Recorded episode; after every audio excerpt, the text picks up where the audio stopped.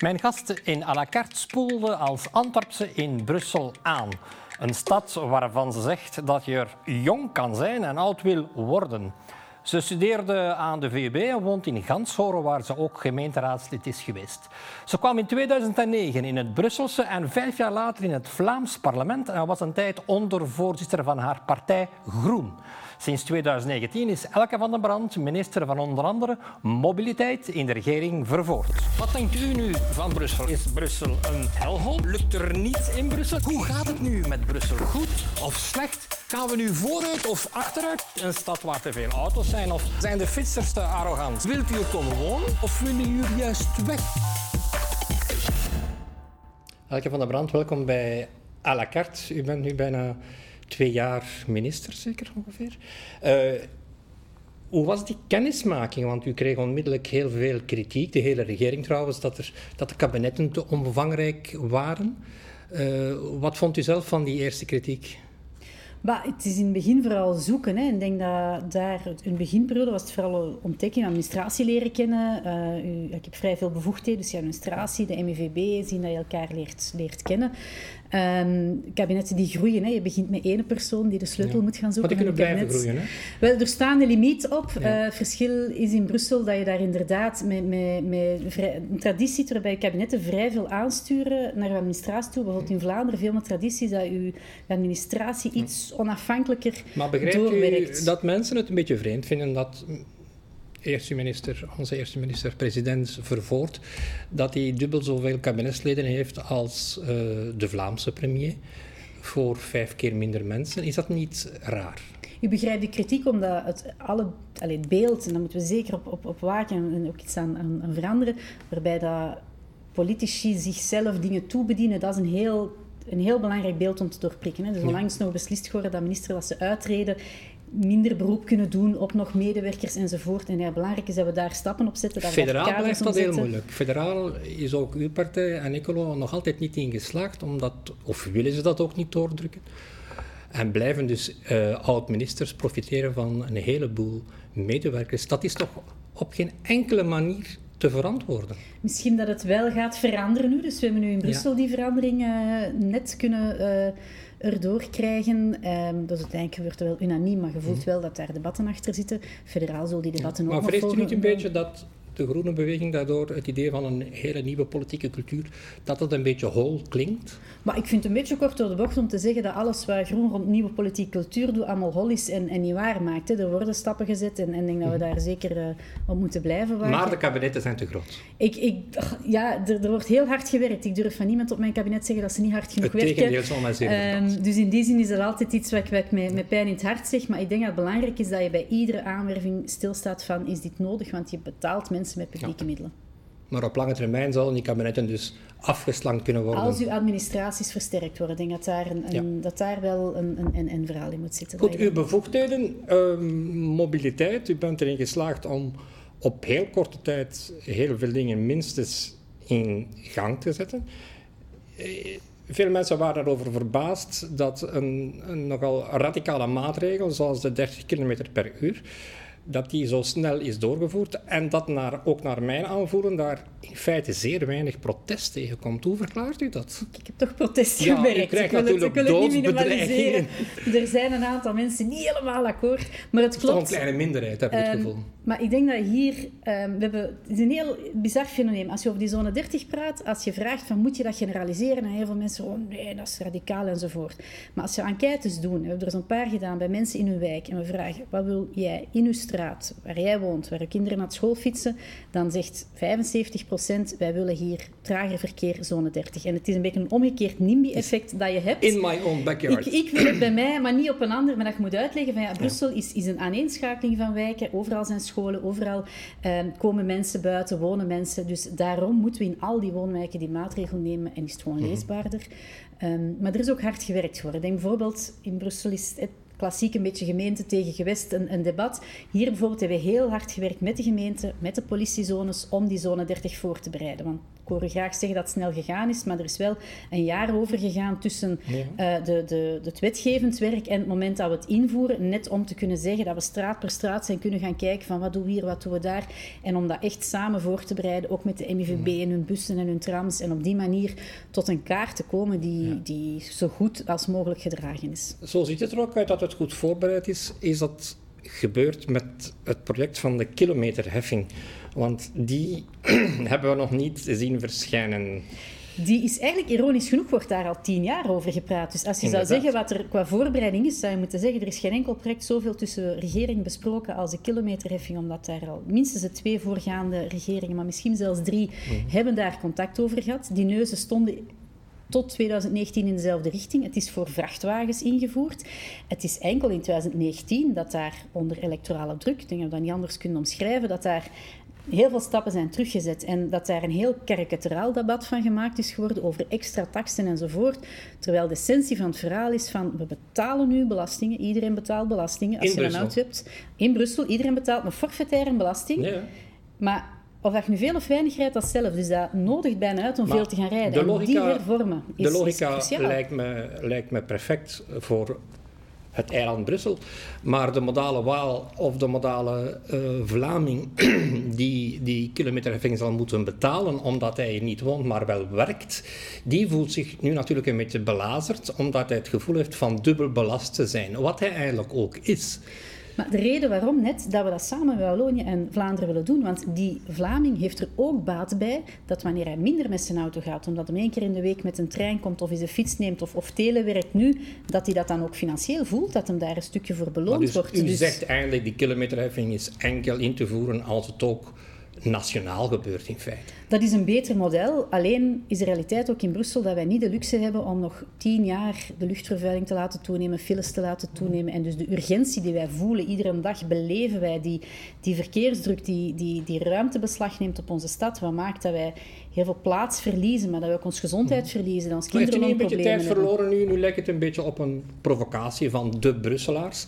Was, er niet, was het niet beter geweest om een beetje aan geheime diplomatie te doen? Ik denk dat er de laatste weken veel gebeurd is dat niet gezien is. Dus de Brusselse regering heeft, um, denk vorige week uh, of twee weken terug, moet even checken, maar beslist om naar de tweede lezing te gaan, om het advies van de Raad van State te vragen. Dat zijn veel technische termen. Hij komt te zeggen dat er langzaamaan wel stapjes gezet worden in dat dossier, maar telkens in overleg met de andere gewesten. En waar op een gegeven moment een heel uh, eclatant debat was, voel je wel dat de laatste tijd die, die stap is gezet zonder dat daar um, grootse verklaringen zijn geweest, waar iedereen op de tafel zegt van ja, we weten dat er meningsverschillen zijn, maar we gaan nu wel een aantal stappen zetten om um, daarover verder te praten. Wanneer verwacht u die kilometerheffing?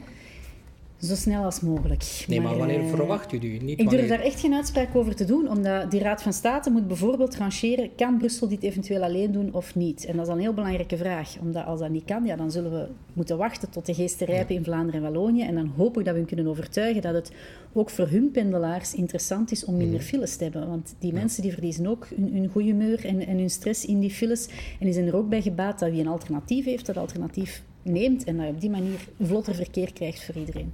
U bent ook heel snel in aanraking gekomen met een discussie over uh, religieuze symbolen. Uh, uh, vorige week was er een, kwam er een heel heftig debat op gang na een uitspraak van een rechtbank dat de MIVB zich aan discriminatie schuldig had gemaakt omdat ze een vrouw met hoofddoek niet wou aanwerven. ja, dan is er van alles gebeurd. In het overlegcomité heeft ook dankzij uw partij is er besloten van geen beroep aan te tekenen. Waarom wou u eigenlijk niet dat er beroep werd getekend? Want die eerste uitspraak was toch maar de uitspraak van één rechtbank. U weet, er, kan, in beroep kan er een ander vonnis volgen. Waarom was u daar tegen? Ik wil eerst en vooral zeggen dat, um, voordat ik, ik ga op uw vraag antwoorden, maar de MIVB, ik vind dat echt een principe kwestie, ik kan zeggen, de MIVB heeft altijd pionierswerk gedaan rond diversiteit en is een bedrijf Ze zijn dat er ook voor beloond. Ze hebben die een twee prijzen hebben gekregen enzovoort. Dus ik denk dat we dat echt niet uit het oog mogen verliezen. En dat dat maakt, als er zo'n arrest komt, dat zegt van ja, je wervingspolitiek is discriminatoire, dat komt hard binnen. En dat, dat, dat raakt mensen die iedere dag op het terrein heel hard werken om die diversiteit waar te maken. Waarom heeft het beheerscomité dan toch gezegd van kijk, wij willen niet in beroep gaan? Dat is omdat een beroep daarmee vertrokken voor ettelijke jaren in een debat dat gemediatiseerd is, dat heel gepolariseerd is en dat eigenlijk de sereniteit wegneemt van iets waar best veel draagvlak voor is om vooruitgang te boeken. En dat is om die neutraliteit iets inclusiever te gaan invullen. En om met het terrein, dat hoeft maar niet waarom, van bovenaf... Waarom, ik begrijp nooit het, woord inclusief. U weet, de MIVB heeft een prijs gewonnen van diversiteit. Het is niet mogelijk om in Brussel een meer diverse maatschappij uh, te vinden met een aanwervingsbeleid dat een voorbeeld is. Maar dat is niet inclusief genoeg. Ik heb het gevoel dat er dan nog iets bij komt en dat gaat dan over religieuze symbolen. Dus men heeft het over inclusie, maar men vergeet eigenlijk dat iets dat in het handvest van de MIVB staat, namelijk de neutraliteit, dat gooit men volledig overboord. En bepaalde partijen hebben daar grote problemen mee. Het komt nu op de tafel van de regering. Dat belooft een pittige discussie te worden. Dat belooft een discussie te worden. Dat is goed dat er ook gesprekken over zijn. Het is niet het volledig overboord gooien van neutraliteit. Ik denk een dienstverlening zoals de MIVB, dat moet kwaliteitsvolle dienstverlening zijn. En daar is belangrijk van, we stellen vast dat wij 10% vrouwen aanwerven op de MFB momenteel. Er wordt heel hard aan gewerkt, maar we zijn heel ver van een bedrijf dat 50-50 mannen-vrouwen aanwerft. En we voelen dat er obstakels zijn. En dan gaan kijken van wat zijn die obstakels, waar remt dat en zijn dat, kunnen we daar iets aan doen? Dat vind ik wel een relevant debat. De, de, de emancipatie ook van vrouwen gaat ook via werk. En dus kijken van, moeten we die vasthouden of maar kunnen we dat op een manier zo, incorporeren? Is het zo moeilijk om ook in dit land, zoals in Frankrijk, een idee te hebben dat je nu eenmaal, als je voor de overheid werkt, dat je dan geen religieuze symbolen mag dragen. Nu geeft men op voorhand al toe, men laat dus die hele idee van laïciteit, zoals het net zegt in Frankrijk, gooit men volledig weg met het excuus van de werkstelling. Terwijl men toch gewoon zou kunnen zeggen van, u mag bij ons komen werken, u moet wel tijdens uw werkuren uw hoofddoek afdoen. Dat is toch... Ja, we merken in realiteit dat voor sommige mensen dat, dat een drempel is. En we kijken naar Frankrijk, maar we kunnen ook naar Engeland kijken, waar op het openbaar vervoer een buschauffeur dat is dan geïncorporeerd in het uniform, maar dat er wel op bepaalde manieren bepaalde kledingstukken zijn toegevoegd om op die manier een aantal mensen aan te trekken die anders zich niet, die niet zullen postuleren. En dat vind ik een, een debat waard om daar naar te gaan kijken. Um, maar geeft u dan toch niet toe, u weet dat dat gepaard gaat met veel sociale druk, religieuze druk ook. Men kan wel honderd keer zeggen dat die vrouwen zelf beslissen wat ze op hun hoofd zetten, maar u weet toch ik woon in een zeer diverse wijk en ik weet dat je daar als jonge Mageblijnse vrouw niet zo gemakkelijk over straat loopt zonder hoofddoek. Dat weet u toch ook? Maar wat ik absoluut terecht vind, is op het moment dat we hierover binnen MVB praten, dat we praten over op welke manier en welke symbolen kunnen we al dan niet toevoegen, dat je tegelijkertijd ook gaat kijken en hoe gaan we om met sociale druk en hoe zorgen we dat er respectvol wordt omgegaan en hoe zorgen we dat het zonder enige druk op vrouwen en op mannen gebeurt, dat iedereen in zijn eigenheid kan zijn. Dus dat zijn voor mij wel twee pistes die samen gaan, die hand in hand gaan.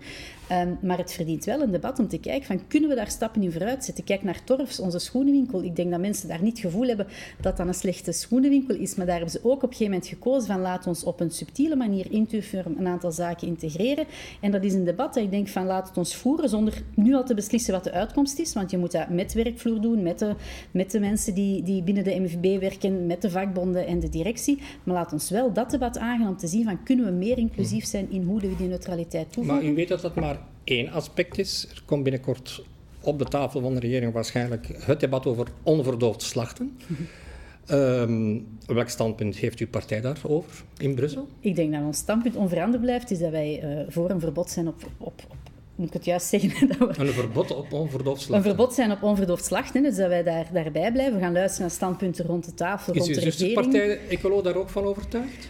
Ik denk dat zij ook dierenwelzijn hoog in het vaandel dragen, maar het zal een pittig debat zijn. En ik denk binnen maar de tafel waarom? van de regering... Want het debat is gevoerd in Omdat Vlaanderen er een gevoel is... en in Wallonië. Ja, maar er is een gevoel dat het... Um, ik ga, ik ga het erom niet goedkeuren, hè, maar ik ga verklaren waarom het er een gevoel is van ja, er wordt heel sterk op dat dierenleed gefocust. En sommige mensen hebben het gevoel van ja, andere vormen van dierenleed die doen er precies niet toe. En alleen dat doet er toe. En dat creëert een gevoel dat, we zeggen, dat, dat sommigen zeggen van mm, maar dat blijkt voor mij niet dat je er iets aan moet doen. Want het is wel een dierenleed en het is een dierenleed dat we zeggen... Maar het kan toch niet zijn dat religieuze voorschriften het dierenleed toelaten? Dat, daar, daar zegt u toch niet op, hoop ik. Mijn persoonlijk standpunt uh, gaat in die richting natuurlijk. Ik kan niet namens uh, de hele Brusselse regering spreken daarin, omdat het nog niet op tafel uh, nou, U weet dat daar, dat daar duidelijk een breuklijn loopt U weet wat, een, wat Defi daarover denkt. Defi is daarin nogal uh, radicaal.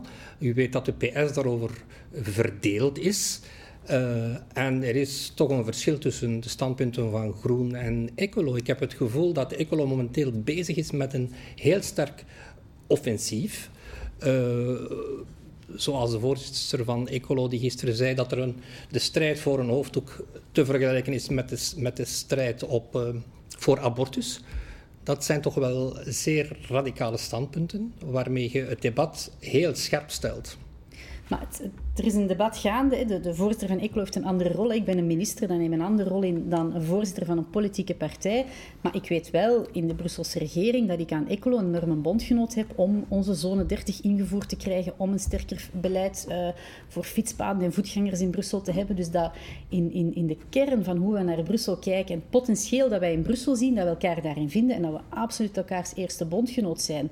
En het klopt dat we soms niet akkoord zijn, dat soms ruzie is, hm. maar dan is denk ik het verschil tussen tussen twee groene partijen is dat we dan niet naar de pers bellen, maar naar elkaar bellen. En, en als er een interview is, zoals dat vorige week gebeurd, zij denk, ben het hier niet mee eens, dan neem ik mijn telefoon op en dan bel ik, zeg, ben het hier nu echt hier en hier niet mee eens en hebben een gesprek. En dat dat belangrijk is, dat, dat je elkaar zoekt en daar waar je verschilt, dat je erover praat, om ook elkaars argumenten te begrijpen en te weten van wat is wat ons bindt. En dan komen we op rechten voor vrouwen, rechten voor dieren en vooral toekomst voor onze stad.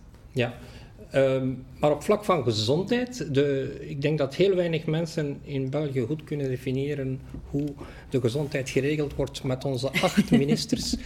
Uh, er zijn vier ministers van groene signatuur die bevoegdheden hebben over uh, gezondheid. Elisa Alain, Alain Mahon hier in Brussel. U heeft ook bevoegdheden. Um, er zijn er nog twee, nog twee andere, waaronder... Uh, het is een quiz.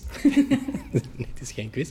Maar uh, u heeft bevoegdheden over gezondheid in Brussel, maar ik heb het gevoel dat u eigenlijk al die bevoegdheden afgestaan hebt aan Alain Maron, die zo een gewestelijk minister van Gezondheid geworden is. Wat in feite een contradictie in terminis is, want gezondheid is toch um, een gemeenschapsmaterie. Ja, ik denk dat het antwoord in uw vraag zelf ook zit van wij zitten in een land we zijn niet zo'n groot land, kunnen ons groot zwanen, een relatief klein land. We komen net uit een gigantische gezondheidscrisis, die ons toch wel geleerd heeft dat in sommige momenten je ene kapitein op het schip moet hebben. En acht ministers hebben, of in Brussel een viertal ministers die op eenzelfde beleid gaan, dat is niet evident. En uiteraard moet je goed samenwerken. En zal ik bijvoorbeeld op het element van Nederlandskundigheid van de zorgen een grotere aandacht hebben en, en, en met hen wegen. Maar ik vind het een gezonde manier om aan politiek te, om te zeggen van kijk, zorgen dat je een, een coherent beleid hebt, dat je uniform beleid hebt en dat je ook durft te kiezen om bepaalde zaken te bundelen uh, bij mensen en niet vier ministers naar voren te schuiven, maar te zeggen van kijk, als voor de vaccinatiecampagne gaat... durven zeggen tegen mensen van Ecolo? Want natuurlijk, als puntje bij paadje komt vallen de grote principes wel eens als er moeten posten verdeeld worden, zoals men soms staatssecretariaten creëert om toch iemand een job te geven. Uh, gaat u dat ook tegen Ecolo zeggen, dat er bijvoorbeeld maar één minister bevoegd uh, moet zijn voor uh, gezondheid en geen vier? Maar ik denk dat we dat samen gezegd ook hebben, dat dat een idee is om te zeggen van binnen Brussel, de bevoegdheid bij meneer, meneer Maron um, samen zitten, zodat hij een coherent beleid kan voeren. Ik ga er uiteraard, ik zit in dezelfde regering, hè. We, we, delen een gebouw in het kabinet enzovoort, dus uiteraard waakt erop dat dat beleid ook beleid is waar we zelf in geloven.